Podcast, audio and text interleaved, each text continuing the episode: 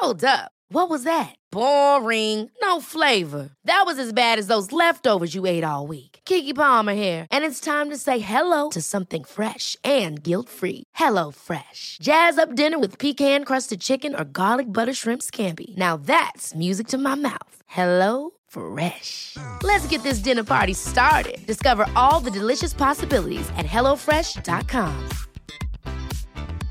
Cool fact a crocodile can't stick out its tongue. Also, you can get health insurance for a month or just under a year in some states. United Healthcare short term insurance plans, underwritten by Golden Rule Insurance Company, offer flexible, budget friendly coverage for you. Learn more at uh1.com.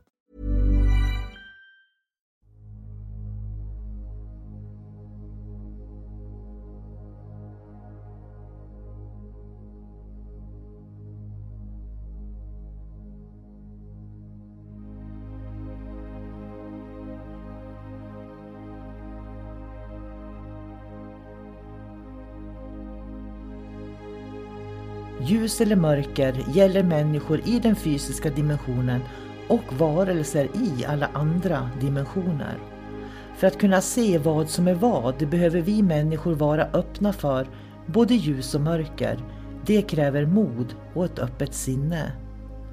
Ljuset ger oss ljus, värme, kärlek, gemenskap, tillhörighet, vänskap och en massa vackra livsupplevelser.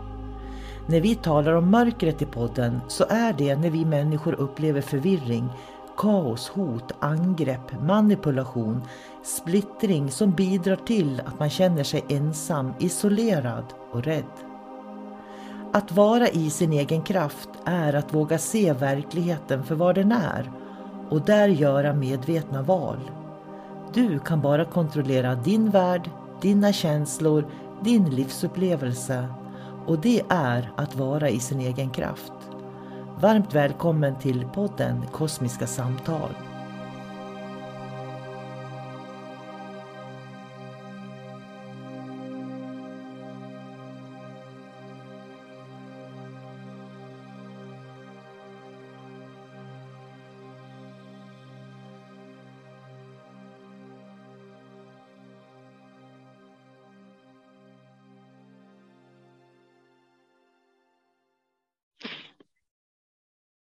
Hej och eh, varmt välkommen till Kosmiska samtal. Jag heter sol karina och jag har den här podcasten tillsammans med min vän David Gran. Så jag säger Hello David! Hello! Good morning! Good morning! Goodbye and good night höll jag på att säga. Jag vet inte vilken, vilken energi som kom in om man säger så. Ehm, vi skulle prata om energi och energirörelse idag. Um, och vi får se var vi hamnar, för vi har ingen agenda med det egentligen, utan det är som vanligt egentligen. Vi hamnar där vi hamnar. Men eh, jag tänkte börja med att berätta om att jag håller på att testa en sak. Igår gjorde jag inte någonting, men de tre dagarna före det så har jag testat. För i, det är så här när man jobbar med reiki, det jag kallar reiki då, och japansk reiki, så handlar det om balans eller obalans. Och obalanser har alltid, kan man känna som olika Eh, sensationer i händerna till exempel. Och det kallas för biosen inom reiki. Då. Och då tänkte jag så här, en trisslott som det inte är vinst på, den borde det ju inte vara något flöde i, tänkte jag. Så det jag gjorde, för jag är med på Svenska Spel då, eh, där man kan liksom logga in, det är att varje dag har jag gått igenom de här minilotto och, och ja, allt. Det finns en massa olika trisslotter. Och så har jag känt vilken jag känner det flöde i och den har jag köpt. Och jag har tagit en lott varje dag i tre dagar och varje gång har jag vunnit någonting. Så att jag liksom lärde mig att känna in, aha, så här känns det om det är vinst och så här känns det om det är nitlott. Och det, jag, jag tycker om att utforska och testa, så jag tycker det är jättespännande. Och då är det viktigt att säga att jag tillhör inte de som tror man blir rik på att köpa en lott. Utan jag tror att man blir rik på eget arbete och egen energi som man lägger i det arbete man gör. Men det var så spännande bara att upptäcka att det faktiskt går att känna in. Jaha, så, så du har alltså vunnit tre dagar på raken? Tre dagar på rad. Och det var så, så, så jag kände att nej, igår gjorde jag ingenting, men jag ska nog fortsätta med det här lilla experimentet för att se. Om du börjar vinna för mycket, då får du passa dig. Då kanske du blir portad. Det är ungefär som att räkna kort på kasinon. Du har ja. en fördel här. Men det är ju faktiskt det. Och, och det är så intressant för jag, det är just det här hur mycket kan man eh, använda den här energimedvetenheten liksom. För den finns ju allting. Som, så man kan ju känna på sig det här innan någon ringer till exempel. Eh, eller det kan vara så att det, man, det kommer in någonting i mitt medvetande. Och när jag tittar på text-tv så finns det där också. Så att det är precis som att det ligger i luften ibland. Ja, men jag, jag brukar ju säga det att om man lär sig om energimedvetenhet och har förstått det, att man liksom kan eh, man kan manipulera energi, man kan känna flödet, vart det är på väg, man känner när energi kommer in. Alla saker och ting runt omkring sig har olika frekvenser. När man börjar förstå det där, så då kan man börja jobba med energier på riktigt. Det är därför som en bra healer kan ju känna att oj, du har ett problem med ditt knä för jag känner att du har inget flöde här. Och då spelar det ingen roll vilken blockering det är egentligen. Man behöver inte gå in på exakt vad det är för problem, utan du har ett problem och då då ökar vi flödet här och så då får man ett fungerande knä igen. Helt enkelt. Och det där är jätteviktigt det du säger att man går inte in och manipulerar utan man bara ökar flödet av energi. Så balanserar det upp sig själv. Ja, så att mena energikännedom, det, är ju, det kan man ju använda i alla aspekter och det gör ju egentligen alla också. Eh, omedvetet. och eh, ett sätt det är till exempel när man går i matvaruaffären. Och då kan man ju tänka med, med huvudet till exempel, oh men det där vill jag ha och den där chipspåsen vill jag ha och den här köttbiten vill jag ha. Men om man istället börjar känna efter liksom i flödet och lägger sin hand på den där köttbiten.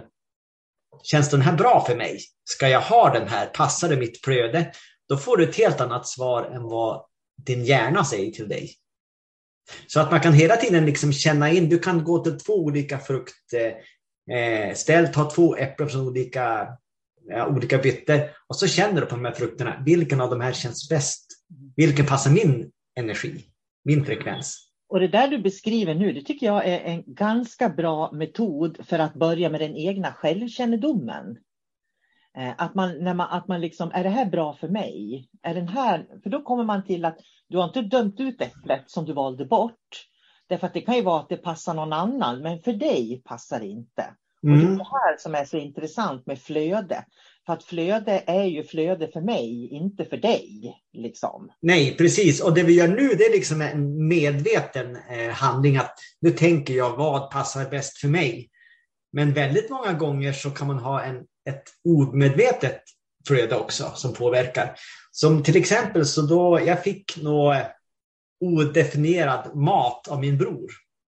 Det här ska man egentligen kanske inte säga på en podd, men eh, han jobbade på en affär och sen hade han lite till övers. Och så skulle jag få till mina djur som jag hade, var en påse.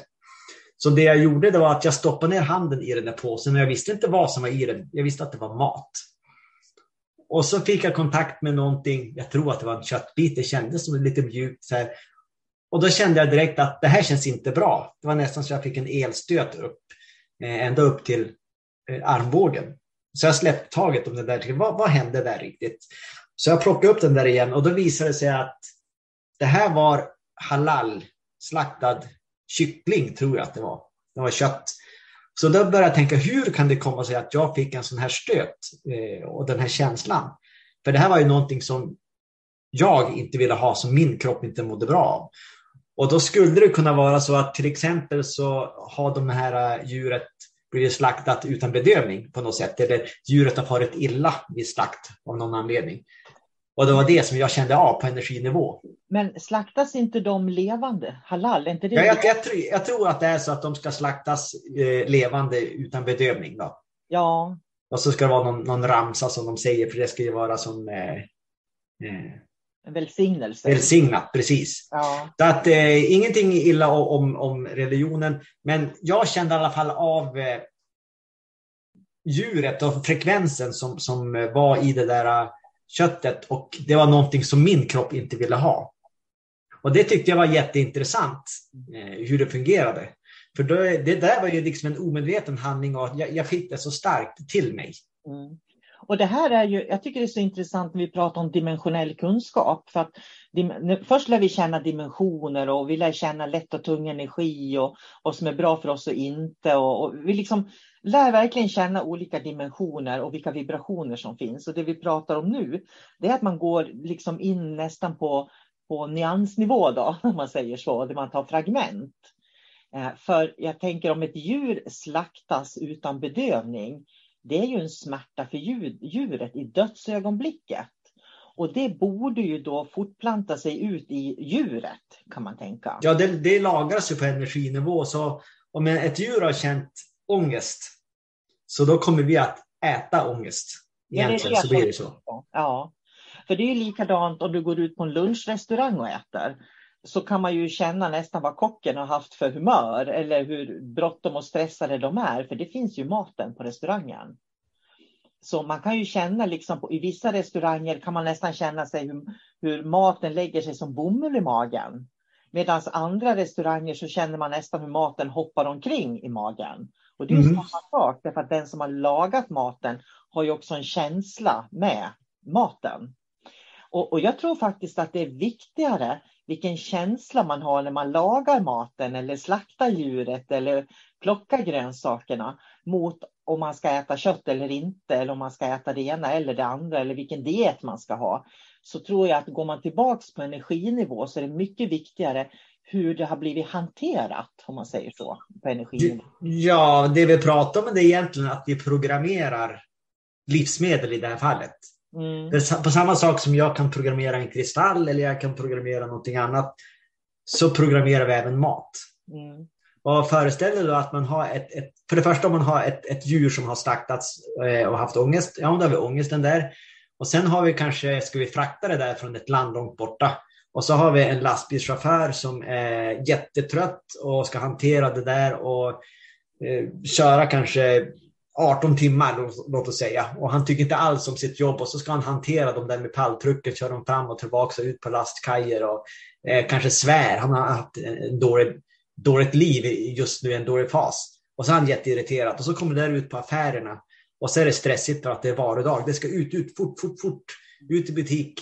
Eh, och så springer det en massa stressade människor i butiken och sen då köper jag det där. Och allt den där energin ligger ju då i köttbiten. Mm. Och det här kan ju vi känna in, så att om du går på affären så då kan du välja den bit som är minst påverkad. Mm. Till exempel. Och det är det här som är energimedvetenhet, verkligen ut i, i alla nyanser skulle jag vilja säga. För jag tänker på det här också, eh, för de har ju börjat om med de här spökjakten och det tycker jag är så intressant. Och de blir omkullknuffade, ehm, de, det ramlar ner saker från väggarna, det knackar, det låter. Och jag tycker det är jätteintressant, för jag tänker på hur var det för mig förr i tiden innan jag hade den energimedvetenhet jag har idag. Då kunde jag också vara med om att saker ramlar ner från väggarna eller jag har till och med varit med om hur, hur eh, man har knuffat på människor, om man säger så. Men det är ingenting som jag upplever idag för att jag har bytt, jag är inte i de frekvenserna längre. Därför att jag har lärt mig att skilja på vilken frekvens jag vill vara i. Och jag tänker också precis som med köttet som du beskrev eller då i mataffären eller äpplet eller vad det än är så är det ju egentligen samma sak om man tittar på de här programmen på tv, Det okända och Andarnas makt och, och spökjakt och allt vad de heter. Man programmerar sig själv med en frekvens där också som man faktiskt inte kliver ur så enkelt sen. Nej, en klassiker det är de här som ser eh, skräckfilm sent på kvällarna. Och sen så blir de jätterädda och så ska de gå och lägga sig. Även fast filmen är slut när man stänger av filmen då borde de ju liksom, ah nu är filmen slut, nu är jag tillbaka till mitt liv. Men de fortsätter i samma frekvens. De kanske sover dåligt, de har mardrömmar och då har de öppnat upp den här dörren. För det som händer på, på, på skräckfilmen, det är just det att man öppnar upp en dimension antagligen ner till, till demonernas dimension, då, för det är ofta det det handlar om. Och då kan ju de liksom bara kliva rätt in i ditt vardagsrum. För du, du tillåter det. Ni är på samma nivå just där och då. Ni är kompatibla. Kompatibel är ett bra ord. Och det, det, finns väl en fördel då, jag tänker med spiritualisterna som säger det finns inte. För finns det inte så, så menar de ju på att de inte kan koppla in sig. Fast de tänker inte på att eh, känslor som de bär eller saker de möter i livet faktiskt gör att det blir en automatisk inkoppling också. Jag tänker på, för du hade ju lyssnat på någon podd där med någon, ett av de här medierna som är med då på spökjakten bland annat. Eh, som inte kunde, vad var det du sa, kunde skilja på spöken och, och, och demoner. Vad var det han Nej, hur var det där? Det var det att jag tror att han skulle dementera att han hade gjort någon, någon demonpodd förut, men det var inte så bra som han hade tänkt sig. Så skulle han göra en ny och berättade hur han såg på sakerna. Men han kunde aldrig ta ställning. För det första så eh, pratade de om, om demoner som att de fanns, men sen då sa han att nej, de finns inte. Det, det är bara en, en, en skapelse av, av, hjärnan och vad man har dragit till sig. Så att, men egentligen så, så, så existerar de bara inne i vårt huvud. Och så sen så då är han ju med på de här stora spökjaktsprogrammen. Och det är intressant varför han är på ett spökjaktsprogram om det bara är hjärnspöken och allting. Det är också lite meningslöst. Mm. Eh, men då sa han också det att ja, man måste tänka på att jag är med i ett produktionsbolag här. Vi, vi skapar tv och jag ska inte och jag behöver inte ta ställning till vad jag möter, sa han. För det är tv det här. Det var någonting i den stilen han sa. Och är det att ta ansvar? Alltså det är det värsta jag har hört i hela mitt liv. Ja, det, jag skulle precis säga det var det värsta jag har hört i hela mitt liv. Att man inte behöver ta ansvar. Jag menar, öppnar man upp för dimensionella världar och, och för sånt mörker som de ändå öppnar upp för i spökjakten. Varför ser de att de inte behöver ta ansvar för det? Det är ju de som öppnar dörrarna på något vis. Ja, så här är det att om man inte tar ansvar för det man möter, då kommer man förr eller senare att användas som verktyg av mörkret. Så enkelt är det. För man kommer närmare och närmare deras frekvens. Sen tillåter man den frekvensen att bli en del av, av, eh, av dig. Då. Till slut så är du styrd av mörkret. Mm. Du, du blir ett verktyg rätt och slätt. Och så det, det är så när man har skygglappar på sig. Frekvensen lägger sig nära, nära under en lång tid.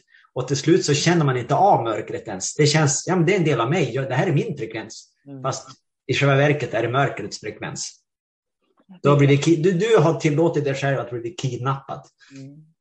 Och jag, jag, tycker det, det här är, är, så viktigt och jag tänker så här, vi pratar om, vi har ett uppvaknande i världen, när vi håller på att vaknar upp. För mig att vakna upp är att se verkligheten för vad den är och att se verkligheten och vad som finns i verkligheten då. Och inte längre skylla på att det är fantasier och det finns inte. För när vi ser verkligheten för vad den är, då tvingas vi också ta ansvar för om vi vill vara en del av det eller inte.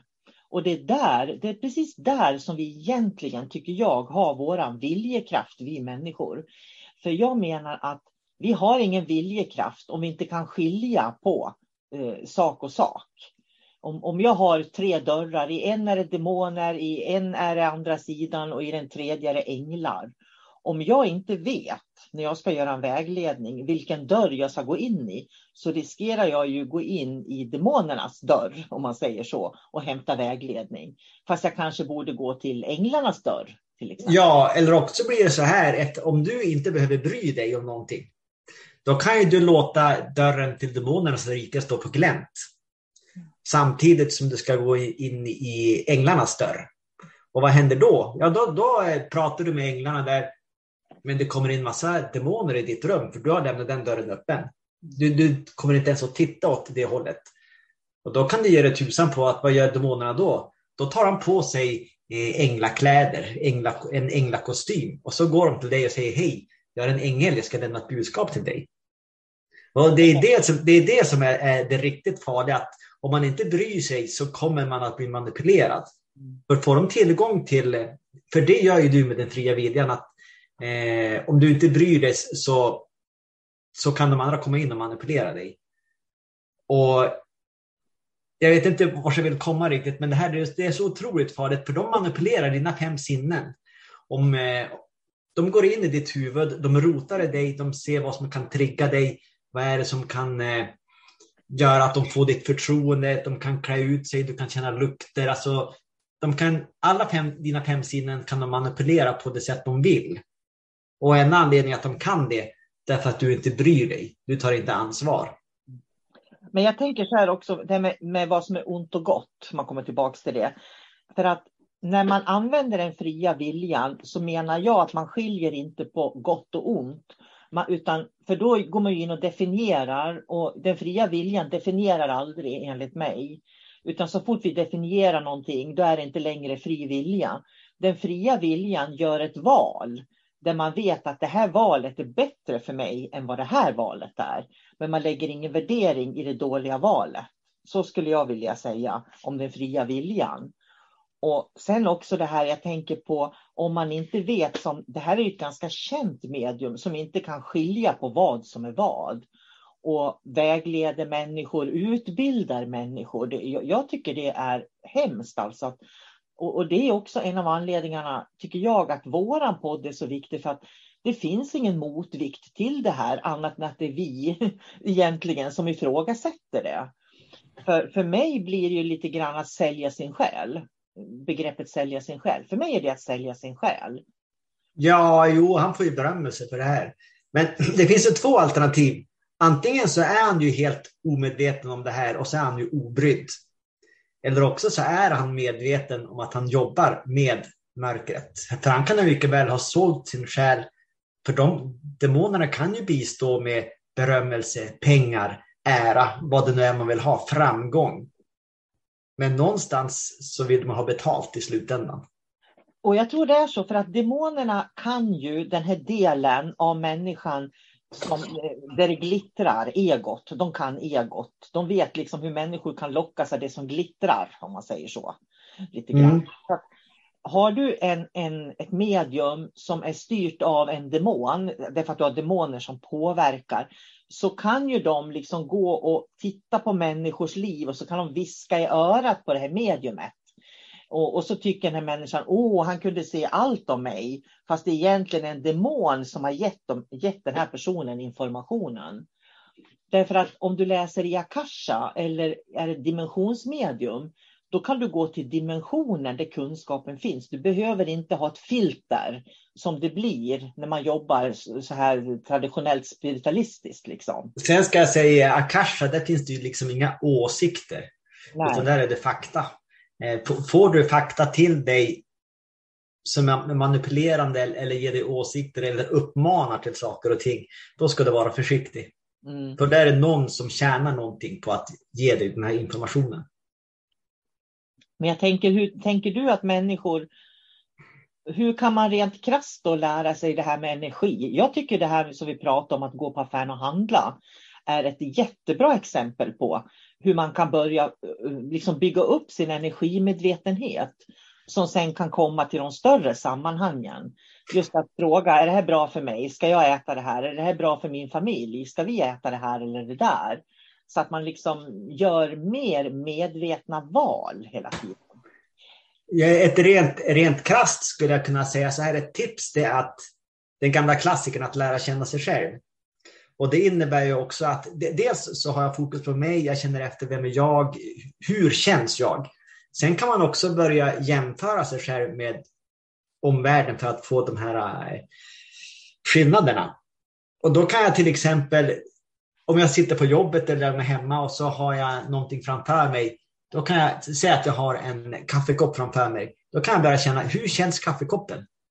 Och så vänder och vrider på det. Hur känns kaffet? Om jag vore kaffet, hur känns det? Aha, nu, nu vet du hur kaffets frekvens är.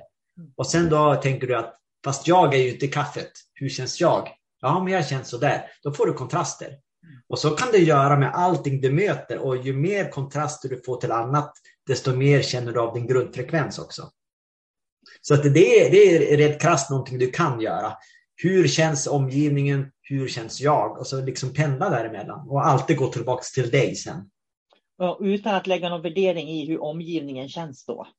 Eh, ja. Utan där handlar det ju där den här medvetna viljan, medvetna valet och viljan kommer in att ta kaffe då, eftersom du tog det att ja, men så här känns kaffe och så här känns jag och så här känns det när jag dricker kaffe.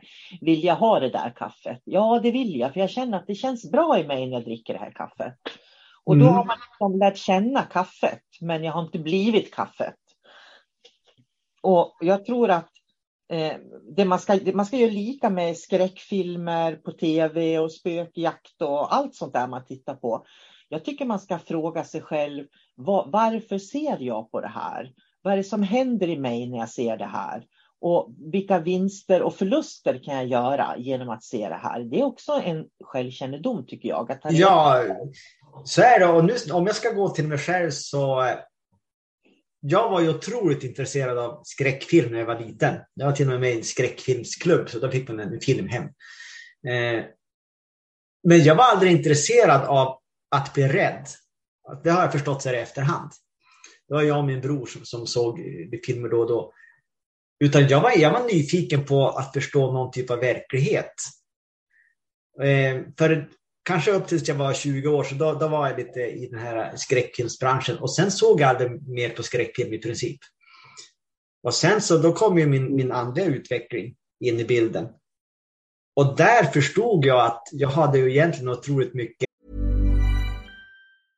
This is Paige, the co-host of Giggly Squad, and I want to tell you about a company that I've been loving, Olive and June. Olive and June gives you everything that you need for a salon quality manicure in one box. And if you break it down, it really comes out to $2 a manicure, which is absolutely insane. It's also so easy to get salon worthy nails at home with Olive and June. The difference between how your nails used to look when you did them yourself and now with the Manny system is a complete game changer. The best thing about Olive and June too is it's a quick dry, dries in about one minute, lasts for five days, and full coverage in up to one to two coats. Visit oliveandjune.com slash perfect Manny 20 for 20% off your first system. That's oliveandjune.com slash perfect Manny 20 for 20% off your first system.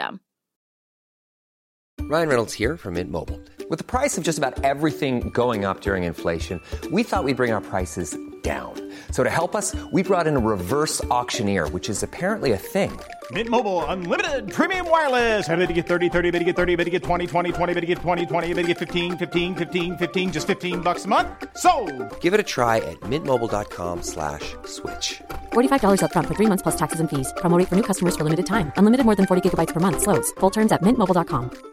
Many of us have those stubborn pounds that seem impossible to lose, no matter how good we eat or how hard we work out. My solution is PlushCare.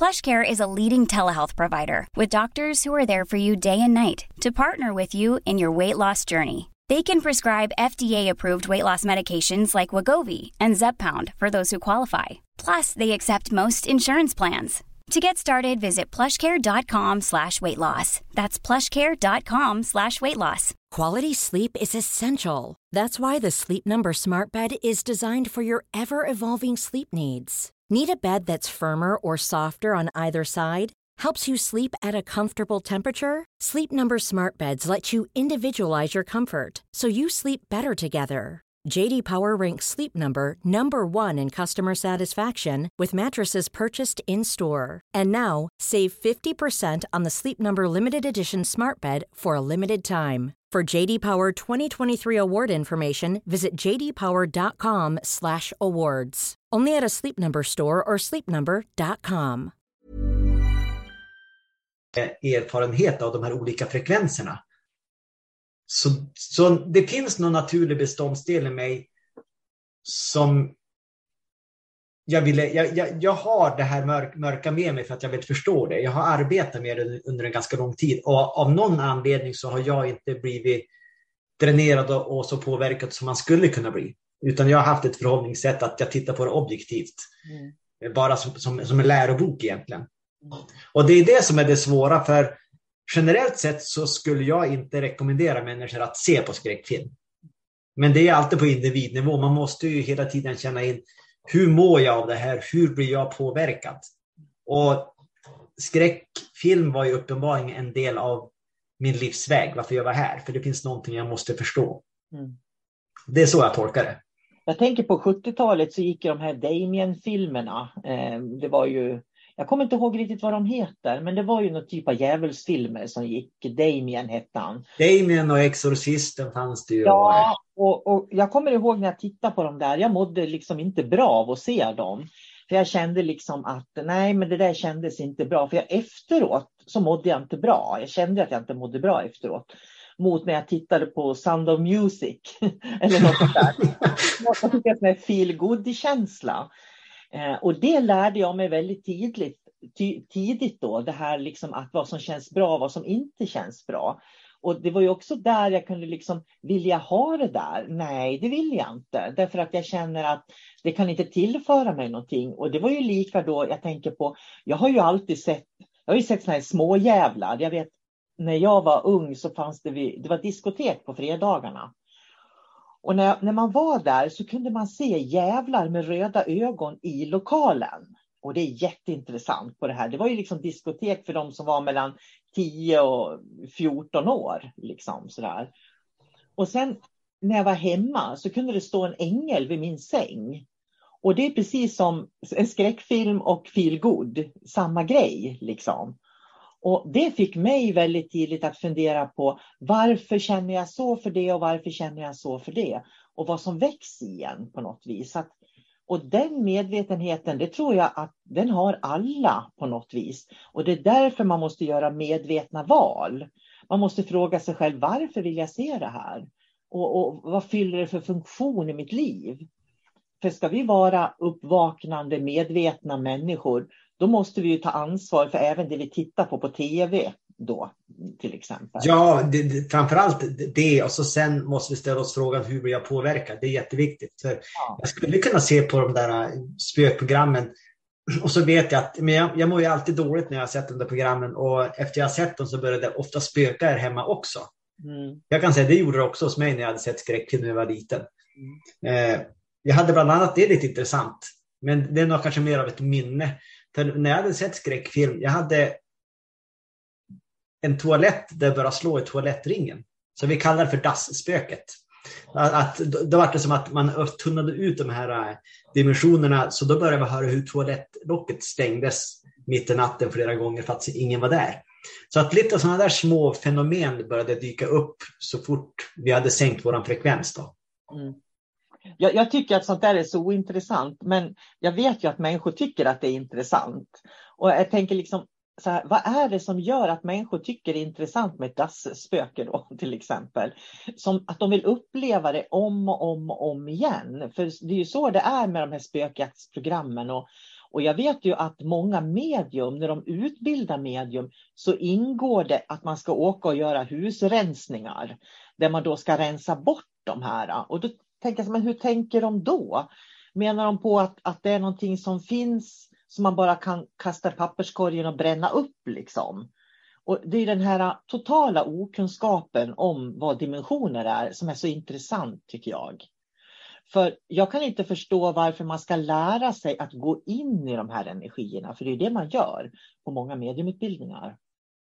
Ja, jo, mediumutbildningar och det finns även eh, det finns även medutbildningar som liksom är eh, mörkerutbildningar, undercover, och sen finns det rena mörkerutbildningar som liksom gör reklam med att det här är en demonutbildning. Mm. Så det finns ju alla nyanser där också. Men, men du har rätt i, vi måste, om man nu ska gå, säga att man ska gå en utbildning där man ska städa husen, man ska rensa hus, då måste man ju förstå alla nyanser. Vad är det jag möter? Mm. Eh, ska jag städa bort det där? Eh, är det en från andra sidan? Är det ett spöke? Är det en demon? Är det en poltergeist? Av vilken anledning är de här? Låt oss säga att vi far till ett ställe där en demon bor eller en, eh, ett naturväsen. Och det är faktiskt deras hem som vi kommer till. till. De bor där. Ska vi fara dit och kasta ut dem därifrån? Då? Mm. Alltså det, är, det är också en moralisk fråga. Vi, vi måste ju respektera dem. Eh, de i deras naturliga habitat, ska vi bara gå dit och kasta ut dem? Hade de haft en fysisk kropp, då hade vi begått ett övergrepp och så hade vi kanske hamnat i finkan om vi bara kom och kastade ut folk från deras hem, misshandlade dem och så typ eh, försökt ta livet av dem, stick härifrån. Då hamnar vi i, i fängelset om jag säger så. Men det där är så intressant, för jag tänker så här då med husrensning som de kallar det för. Jag kallar det för energistäd och det är, något, det är någonting helt annat som vi jobbar med. Men den här husrensningen då, om man då tänker de här mediumerna som håller på med spökjakt och sådär då och som inte kan skilja på eh, eller inte tror på demoner, spöken och sådana här lite entiteter eller mörkervarelser. Eh, om man är helt totalt infiltrerad i den delen av verkligheten och så ska man åka hem till någon och göra en husrensning. Då kan det ju vara precis som du säger att man rensar bort det som är änglalikt, det som är gott, det som är ljust, därför att man själv då som husrensare har den frekvensen. Mm. Så, blir det ju. Och det, det är ju rent livsfarligt. Jag blir så här, huh, jag känner jag får riktigt ståpäls på armarna. För det innebär ju att har de ingen dimensionell förståelse så kan de rensa bort allt som är gott och det kan ju bli totalt fördärv för en människa egentligen. Det som kan hända också det är att låt oss säga att vi har ett hus som eh, det bor en, ett par där. Det bor också eh, andra entiteter där. Eh, men eh, de klarar av att bo med varandra, deras verkligheter överlappar varandra, men det, det är bägges hemställen och de störs inte av varandra. Men en dag säger det här paret att ja, men det fladdrar lite i gardinerna ibland, och så att när vi tar hit det som ska rensa huset. Och så kom det här kända mediumet dit och inte bryr sig och liksom tvingar de här spökena att flytta, då, eller demonerna. Det som händer då är att då triggar ju mediumet demonerna så att de kan börja utföra hem till exempel. Så de kan ju starta igång någonting fruktansvärt genom deras beteende. För det bästa man kan göra en sån gång det är bara att gå dit. Antagligen så förstärker man bara liksom dimensionen att nu får ni vara i er dimension, de får vara i sin dimension. Ni kommer att dela samma ställe. Ni kommer inte att störas av varandra. Eh, och då är, liksom, då är det harmoni som det ska vara. Då kan man dela platsen utan att man ser varandra. Men om man börjar trycka bort en del och ta bort den från sitt hem, då kan man förvänta sig att det blir bråk framöver. Mm. Och det, det, där är intressant. Jag tänker för spöken, mörkervarelser, de här lägre entiteterna. Det som skiljer dem från de högre ljusvarelserna, det är ju egentligen att de saknar vi. De har bara ett jag, skulle man kunna säga. För en ljusvarelse ser ju alltid till den större helheten där jaget är en del av allting. Så eh, entiteter och varelser som har ett vi-medvetande, de har ju oftast eh, mer tolerans, skulle jag vilja säga. Än en som har ett egomedvetande? Ja, precis. För därför att har du ett egomedvetande som oftast de här lägre entiteterna har, så innebär ju det också att eh, de är, de är väldigt självfixerade vid sig själva och sin egen utveckling på något vis. Ja, men det, det är bara att ta, ta djur som har ett lågt, lågt medvetande här, kanske rovdjur. Mm. Eh, man kan ju inte gå fram och gulla med dem, utan då, då biter de huvudet av en och så blir man deras frukost. Och sen är de jättenöjda med det. Och som sagt, de är inte ondskefulla för den sakens skull, utan det är bara så de är. Det är en del av deras medvetande struktur. På samma sätt är det att om man har demoner här i vår omgivning som kan vara väldigt manipulativa så ska man veta att de jobbar genom egot. Och därför så kan man aldrig lita på dem. De, har, de eh, fungerar lite grann som psykopater gör i den här världen. De kan vara jättetrevliga människor. De kan, man kan få utbyte av dem om det passar dem. I slutändan så är det någonting de vill. De vill ha någonting av dig. Så är det faktiskt. Mm. Om vi ska koppla ihop det här för att runda av podden då, så vi pratar ju om energimedvetenhet. Ehm, så nu har vi pratat om det på många olika sätt och jag tror ju så här att någonstans så har vi människor väldigt nära till det varma, ömma, kärleksfulla. Jag tror att det finns väldigt starkt i människor, för jag tänker på eller tänkte så här nu att varför pratar vi så mycket om mörker? liksom. För jag kan känna, och det har jag ju sagt till dig ibland, att jag tycker det blir för mycket prat ibland om mörker och demoner och spöken och så här. Men då tänker jag så här, men mitt vardagsliv består i ljusa, vänliga saker. Eh, och det här är en del av verkligheten som också finns, som man måste vara medveten om. För du kan inte bli lycklig, nöjd, få ett bra liv, anser jag, om du inte vet vad du medvetet kan välja bort faktiskt. Nej, man kan ju utveckla ett sånt här strutsbeteende annars. Om man bara vill eh, se det fina och det vackra i allting. Att man, man, man, eh, man målar en bild och sen stoppar man sitt huvud i sanden. Mm. Och så ignorerar man det tunga, det mörka, det jobbiga. Men det är en del av verkligheten. Och, så, och det kanske var mycket därför som jag kände att jag skulle se på skräckfilm också. För min ambition är att vi måste se allt av livet. Vi måste se alla aspekter. Vi måste se ljus, vi måste se mörker och allting däremellan. För då kan vi fatta beslut som är bra för oss. Först då kan vi göra det. Men det är ju som att smaka en ny maträtt. Du vet ju, du kan ju inte säga nej men det där vill jag inte äta för det, det är ärtor i det och jag äter inte ärtor. Ja men ärtorna kan se jättegoda just i den här grytan. som kombination. Och det vet man ju inte för man har smakat på det också. Så någonstans behöver man möta, känna på det, förstå vad konsekvenserna är för att kunna ta det här medvetna beslutet. Och nu när vi pratar om medvetenhet så kan vi ju backa till eh, vad det här mediumet som uppenbarligen inte vill vara medveten, vill inte vill känna in, inte vill se vad han möter. För jag ska liksom bara spela in tv, det spelar ingen roll. Det blir inte bra i det sammanhanget. Inte alls. Så att jag uppmuntrar alla som lyssnar på det här att ta ditt ansvar. Om du möter någonting där hemma, det spelar ingen roll om det är mörkt eller ljust, lätt eller tungt. Stanna upp, känn in. Hur känns det här? Är det här någonting jag vill ha eller är det något jag inte vill ha? Och sen då agerar du därefter. Känns det ljust, lätt och bra? Det här vill jag ha. Ja, men då fortsätter den riktningen. Då bjuder du in det. Känns det tungt, jobbigt, eländigt? Då väljer du bort det. Då går du till dig själv istället och känner in hur känns jag? Ja, men jag har känt så här. Och den här tunga frekvensen, den hör inte hemma hos mig. För då har du gjort ett val. Och det, det är det jag menar, den här, det här lätta, vänliga, det ligger mycket, mycket närmare oss än vad vi människor tror. Men ibland så är det precis som att människor är rädda för att de ska missa någonting och då ska de ha hela kakan. Liksom. Så det här med, man behöver inte bekymra sig. Kan, tänk om jag inte kan skilja på det som är lätt eller tungt eller det som är flöde eller inte flöde. Det behöver man aldrig oroa sig för, därför att det är naturligt för oss att välja det som är vänligt. Ja, och sen då är det helt enkelt, om man ska göra det väldigt enkelt, gör det som du mår bra av.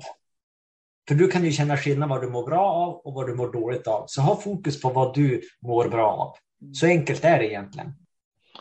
Och där ska vi sluta och som vanligt har du ett perfekt slutord. Följ det du mår bra utav. Det kan inte bli bättre än så. Den bästa energin, alltid, det man mår bra utav. Mm. Och det ska liksom kännas i hela kroppen och inte bara i huvudet. Så det ska inte vara någonting man tror man mår bra av. Man ska verkligen uppleva det, skulle jag vilja säga. Mm. Så ta an dimensionellt ansvar. Yes. Yes. Tack. Tack för ett bra samtal igen, David. Tack detsamma. Ha det bra och hej då ja. säger vi till er som lyssnar. Hej då. Mm. Ever catch yourself eating the same flavorless dinner three days in a row? Dreaming of something better? Well, HelloFresh is your guilt-free dream come true, baby. It's me, Gigi Palmer. Let's wake up those taste buds with hot, juicy pecan-crusted chicken or garlic butter shrimp scampi. Mm. Hello Fresh. Stop dreaming of all the delicious possibilities and dig in at HelloFresh.com. Let's get this dinner party started.